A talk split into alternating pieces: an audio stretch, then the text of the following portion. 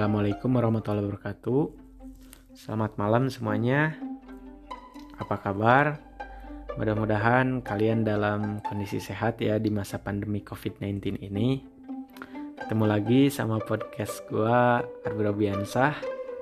Dan ini yang kedua. Ya, gua sih di sini masih pemula ya dalam memulai podcast. Nah, di sini juga gue sih mau sedikit bahas mengenai entrepreneurship di mana ketika uh, lo semua itu mau menjadi pengusaha itu ada peluang dan anta ada tantangannya juga apalagi di Indonesia.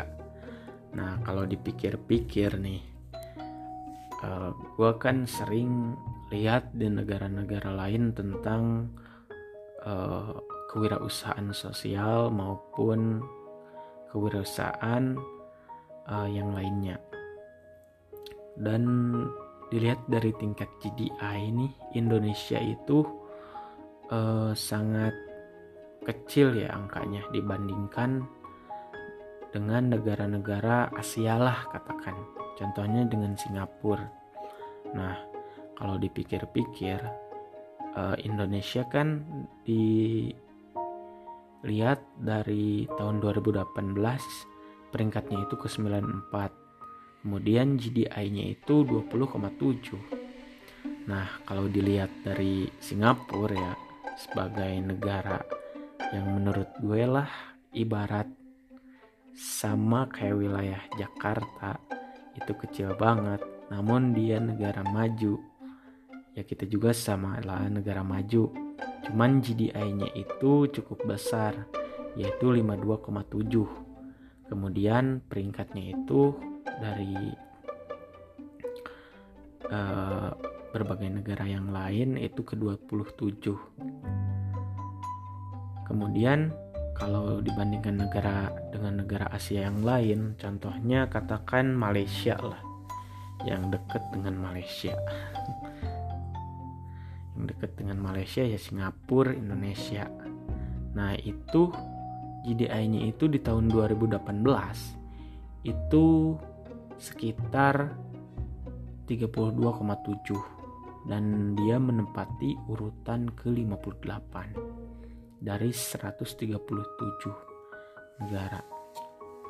Kemudian ya di dengan negara Thailand ya karena berhubung Singapura, Malaysia, Thailand cukup dekat banget ya gue bandingin aja nih sama negara berik negara berikutnya yaitu Thailand.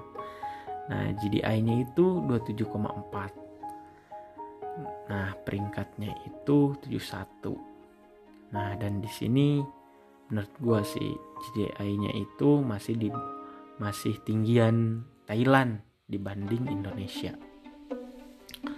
Nah, kalau dilihat dari negara eh dibandingkan dengan negara-negara yang dari luar Asia, dari Eropa lah, katakanlah uh, Amerika ya. Amerika itu di tahun 2018 gue lihat baca-baca dia itu GDI-nya itu 83,6 dan peringkatnya itu nomor satu karena di sana itu buset pengusahanya kan udah besar-besar ya. Lo lihat aja Bill Gates, Steve Jobs uh, dan lain-lain. Mereka berkumpul di sana gitu. Pengusaha-pengusaha besar yang sukses. Nah karena banyak pengusaha di sana yang cukup besar maka di Indonesia juga nih menurut gue harus ditingkatin pengusaha-pengusahanya. Karena e, menjadi wirausaha lah katakan itu e, sangat berpeluang ya. Dan juga ada tantangannya yang seperti gue sebelumnya jelasin gitu di entrepreneurship. Nah GDI-nya relatif rendah dibanding negara lain, maka wirausaha harus ditingkatkan di Indonesia. Nah karena gue berpikir ya uh, pilar perekonomian suatu negara itu ya wirausaha gitu sebagai pendukungnya. Nah gue masih ingat ketika uh, belajar di kuliahan kewirausahaan uh, ungkapannya seperti ini sih dalam bahasa Inggris attitude is everything Cheng Change your attitude and your life would be change. Lu ngerti sendiri kan maksudnya. Attitude itu atau sikap itu adalah segalanya. Maka ubahlah attitude lu dan uh, hidup lu akan berubah gitu. Intinya dari sikap itu menentukan uh, apa ya berpikir ke depan kehidupan lo itu bakal seperti apa. Itu dari sikap aja. Kemudian gue bahas mengenai ya entrepreneurship ya. Gimana sih jadi pengusaha sukses? Ya pertama semua bisa menjadi pengusaha asalkan lu punya keberanian untuk memulai dari nol inget ya. Jangan ujuk-ujuk langsung badak lah. Kalau itu istilah istilah mah udah bikin perusahaan gede udah daftar uh, lah mau bikin perusahaan ini nih.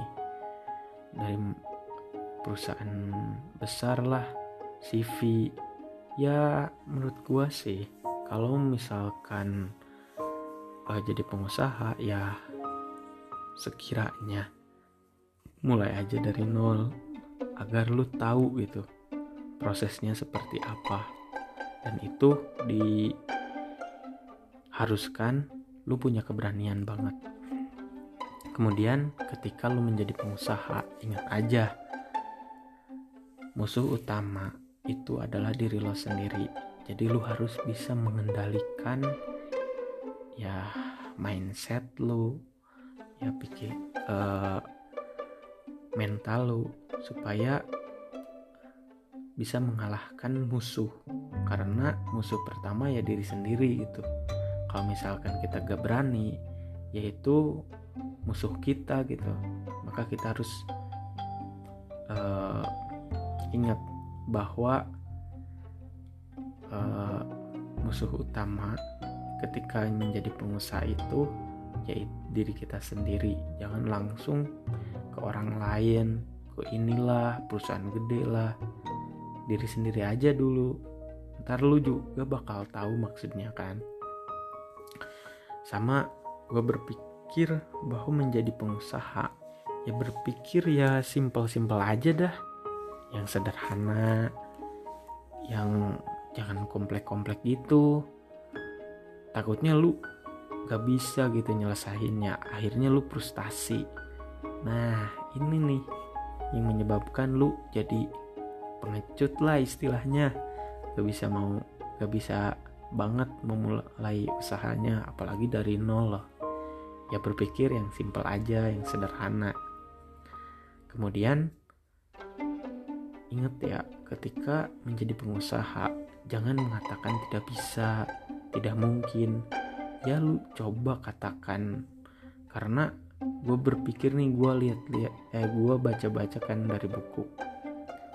Uh, kalau lu udah mengungkapkan lu tidak bisa atau tidak mungkin maka otak lu tuh akan berhenti.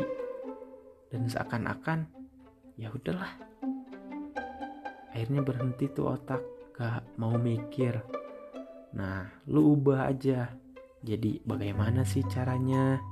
Kemudian apa sih yang harus dilakukan? Uh, kemudian ketika gak bisa uh, maksudnya uh, susah itu belum bisa gitu. Bukan tidak bisa. Karena itu juga uh, pengar, pengar apa sih artinya itu menurut gue beda gitu. Oke? Sama gini nih jadi pengusaha juga ingat bukan semata-mata lu harus punya modal tetapi menurut gua itu yang paling penting banget ketika lo menjadi wirausaha, menjadi pengusaha muda, lo itu harus punya trust ke orang lain, trust to consumer, konsumen, trust to customer, sama lu punya keberanian. Aja itu. Jadi jangan semata-mata lu harus mikirin modal dulu lah. Tapi lu punya kepercayaan, lu punya keberanian, lu bisa memulai kok tanpa modal. Ya lu bisa dapat duit dari mana? Dapat dari dapat modal dari mana? Ya bisa lu ajuin aja bikin proposal kayak ikut organi ikut apa kompetisi supaya lu dapat pendanaan gitu kan lumayan. Artinya bukan semata-mata modal menjadi uh, kelemahan ketika lu mau terjun jadi pengusaha gitu.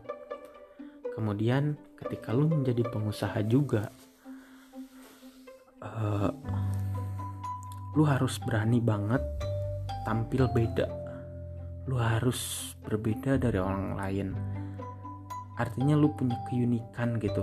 Keunikan supaya beda banget sama orang lain. Ketika punya keunikan dibandingkan dengan orang lain artinya lu punya value yang akan ditawarkan gitu.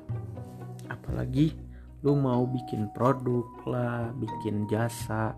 Nah itu bikin keunikan dari produk atau jasa lu yang lu buat gitu. Kemudian jadi pengusaha juga menurut gue mulai aja dari hal-hal kecil yang sederhana. Kemudian harus fokus, tidak boleh dibuat sampingan. Gua sih pribadi ya gak pernah lah menyampingkan apa yang gue yakini itu benar gitu. Karena uh, ketika itu benar, artinya gue akan tertuju untuk fokus menjalani usaha itu tanpa mengesampingkan gitu. Ya gue kerja sambil sampingan usaha. Ya artinya gue gak fokus menurut gue sih. Sama ya kalau bikin fokus ya cukup aja produknya itu yang spesifik yang ATM banget lah kalau istilahkan anak-anak bisnis. ATM apa sih ATM itu amati kemudian tiru lah sedikit gimana kemudian modifikasi. Dan dan jangan menurut gua jangan sulit ditiru oleh orang lain juga ketika lu buat produk itu. Artinya lu punya keunikan dari yang lain gitu. Nah itu. Cukup cukup ini sih. Cukup uh, ya cukup mengasah otak. Tapi gue yakin lu bisa lah.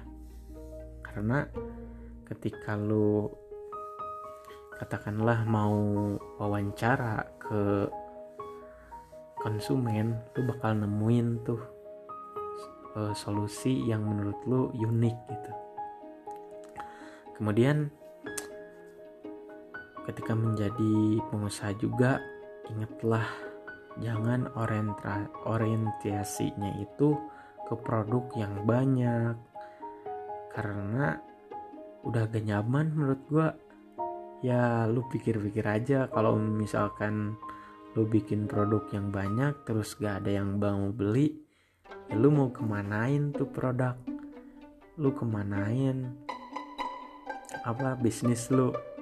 Ya artinya gue berpikir sih ya orientasinya itu harus ke konsumen gitu apa yang diinginkan, apa yang dibutuhkan oleh konsumen itu sehingga produk lu itu laku. Nah, itu sih. Kemudian ketika lu menjadi pengusaha juga perbanyak aja networking, oke? Okay? Terkait dengan bisnis yang akan lo lakuin. Kemudian carilah peluang dan waktu yang tepat untuk memulai mengembangkan bisnis. Nah, ketika COVID-19 ini nih uh, cari nih peluangnya. Apa sih yang sesuai dengan uh, apa pasar yang seperti sekarang ini yang dinamis banget karena pandemi COVID-19 ini? Dan kapan sih yang menurut lo tepat buat memulainya itu artinya lu di sini apa ya udah mau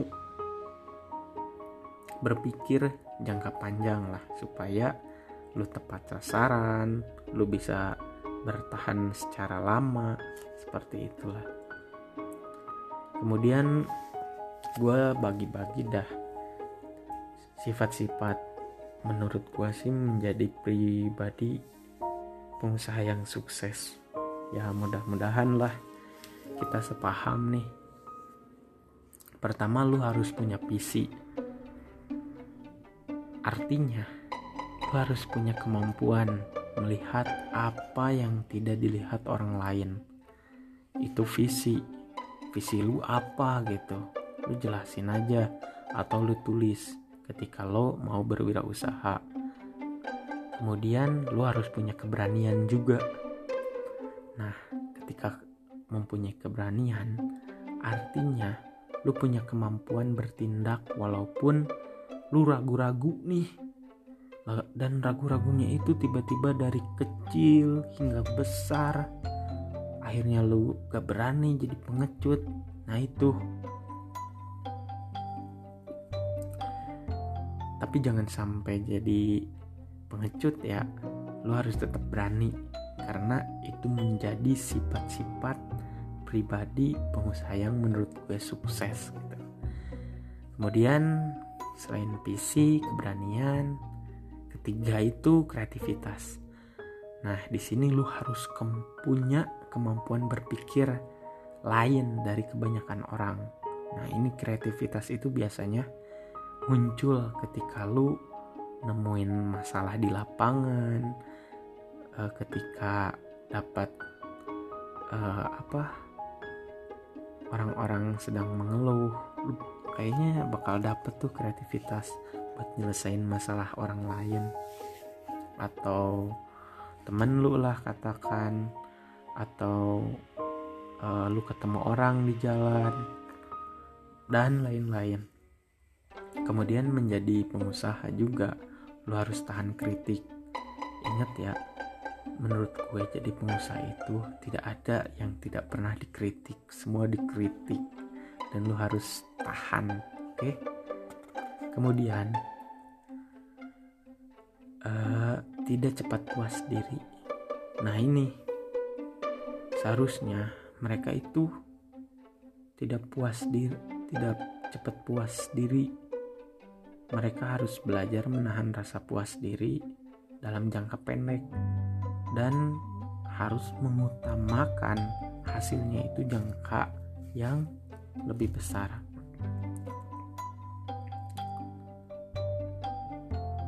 Kemudian gue sedikit ada motivasi terkait menjadi pengusaha muda. Uh, ayolah rubah cita-cita mulai dari sekarang menjadi pengusaha karena gue pikir menjadi pengusaha itu tidak ada tingkat tidak kenal tidak kenal lah tingkat pendidikan. Tidak kenal lu dari mana lu dari mana. Tapi lu punya keberanian untuk mengambil risiko. Nah itu menjadi motivasi ketika lu mau terjun menjadi pengusaha. Dan gue berpikir bahwa menjadi pengusaha itu harus belajar dimulainya itu ya dari sekarang dari diri sendiri kemudian dari hal sekecil mungkin. Ya gue udah jelasin kan berkali-kali jangan uh, tiba-tiba besar. Ya sekecil mungkin aja mulai. Yang penting lu action. Take action. Artinya lu udah mulai bergerak. Kemudian banyak bergaul dengan orang yang sukses dalam uh, ter dalam apa dunia wirausaha lu punya teman-teman lo pastikan yang ada pengusaha ya lu diskusi aja. Barangkali lu dapat motivasi gitu ketika lu mau terjun untuk berwirausaha ke produk inilah. Karena lu setidaknya punya apa ya sedikit tips-tips menjadi pengusaha di bidang itu. Kemudian berpikir rasional dan jangka panjang. Jadi menurut gue jangan lihatnya itu kondisi ketika lu mulai sekarang gitu. Tapi gue lu lihat aja 10 tahun 20 tahun yang akan datang bagaimana sih hasilnya apakah untung? Kemudian wah rugi terus nih. Ya lu bakal ketahuan ketika lu berpikir dalam jangka panjang. Tapi kalau lu benar-benar ngejalaninnya itu tidak berpikir jangka pendek lu tiba-tiba langsung berpikir lah yang penting jangka panjang gue masih bisa bertahan gue masih bisa apa ya berwirausaha. Artinya lu itu udah mulai belajar secara bertahap. Dan gue saranin sih ya pasti dari pemerintah pun nyaranin lah untuk anak-anak muda untuk wirausaha. Karena di Indonesia itu menurut gua mudah dan terbuka dibanding negara-negara lain yang udah punya uh, apa ya industrinya masing-masing lah karena pengusaha-pengusahanya hebat seperti itu. Kemudian jangan takut gagal karena menjadi pengusaha. Itu selagi masih muda lu gak ada beban hidup. Lu ingat sendiri aja ketika lu udah nikah pastilah ada risiko yang harus lu penuhi buat keluarga. Tapi ketika lu masih mahasiswa masih istilahnya masih muda lah lu belum belum ada beban hidup gitu. Jadi lu lah action aja gitu. Namun nyatanya ketika banyak sekali yang gue tadi jelasin motivasi namun orang-orang ya ketika mau terjun usaha selalu dapat hambatan gitu. Karena gue lihat dari pola pikir dan mentalnya itu pertama ya cari aman saja. Contohnya ya pegawai gitu. Ya yang penting gue aman nih. Gue ada posisi gue ada status sosial yang aman aja. Kemudian uh, sebelumnya udah jelasin status sosial karena hambatan mental lahir batin bisa dari jabatan ya status sosial dari pendapatan lu. Wah kayaknya enakan. Jadi pegawai nih. Yang penting gue aman bisa makan bisa ini. Ya menurut gue jangan berpikir uh, seperti itulah. Lu harus mikirinnya itu ya dalam jangka panjang. Tapi kalau mau jadi pegawai ya udah cari aman aja. Kemudian hambatan yang ketiga lah lu harus apa ya jangan takut gagal gitu. Lu tuh jangan jangan jadi pengecut buat ambil risiko. Ya artinya lu gak mau gagal kan takut gitu. Janganlah. Nah, itu menurut gua hambatan banget. Ketika lu benar-benar mau jadi pengusaha karena lu takut gagal ya jangan jadi pengusaha udah aja jadi pegawai cari aman aja kemudian ketika lu menjadi pengusaha lu harus punya pikiran jangan mau untung besar Ops, maksud gua jadi begini. Jadi maunya itu untung besar. Tidak mau dari kecil. Nah, kalau gitu mah ya kalau lu mau untung besar tapi lu mulainya dari nol banget, dari yang kecil banget, ya artinya lu apa ya? Tidak mau gitu dari kecil itu ya menurut gue itu menjadi hambatan banget buat lo ketika lo mau jadi pengusaha kemudian selanjutnya yaitu patah semangat. Dikit-dikit kapok. Dah udah gagal. Ya udah deh gue gak mau lakuin lagi. Ya itu menjadi hambatan banget menjadi pengusaha. Kemudian uh, eh, gue pikir juga dari lingkungan biasanya itu kurang mendukung sehingga menjadi hambatan ketika menjadi pengusaha. Contohnya dari keluarga lah banyak yang gak setuju gitu tiba-tiba ya udah kuliah mah kerja. Udah sekolah SMA mah ya kerja. Kerja aja biar dapat uang aman. Ya gak berpikir jangka panjangnya seperti apa. Tapi ketika lu uh, menjadi pengusaha lu buang tuh lingkungan-lingkungan yang menurut lu gak mendukung. Oke? Okay? gue punya pertanyaan sih sama lu. Mengapa sih impian itu penting? Hayo lu tahu gak kenapa? Ya gini aja nih simpelnya. Kalau lu punya impian kalau lu orang-orang yang besar punya impian besar maka uh, orang kecil punya impiannya kecil. Nah kalau lu mau berubah mulailah dengan buat ukuran impian lu itu mau kecil apa besar gitu. Karena ya seperti yang gua ungkapin orang besar mempunyai impian yang besar. Orang kecil punya impian yang kecil. Nah seperti itu Pikir, pikiran aja ukurannya. Kemudian lu sedikit sih punya kata-kata bijak buat lu semua ketika menjadi pengusaha ingat bahwa pengusaha itu tidak melakukan hal yang hal-hal yang berbeda. Tapi mereka itu melakukan hal-hal dengan caranya yang berbeda. Nah, ketika menjadi pengusaha, tidak melakukan hal-hal yang istimewa, tapi mereka itu lakuin hal-hal dengan cara istimewa.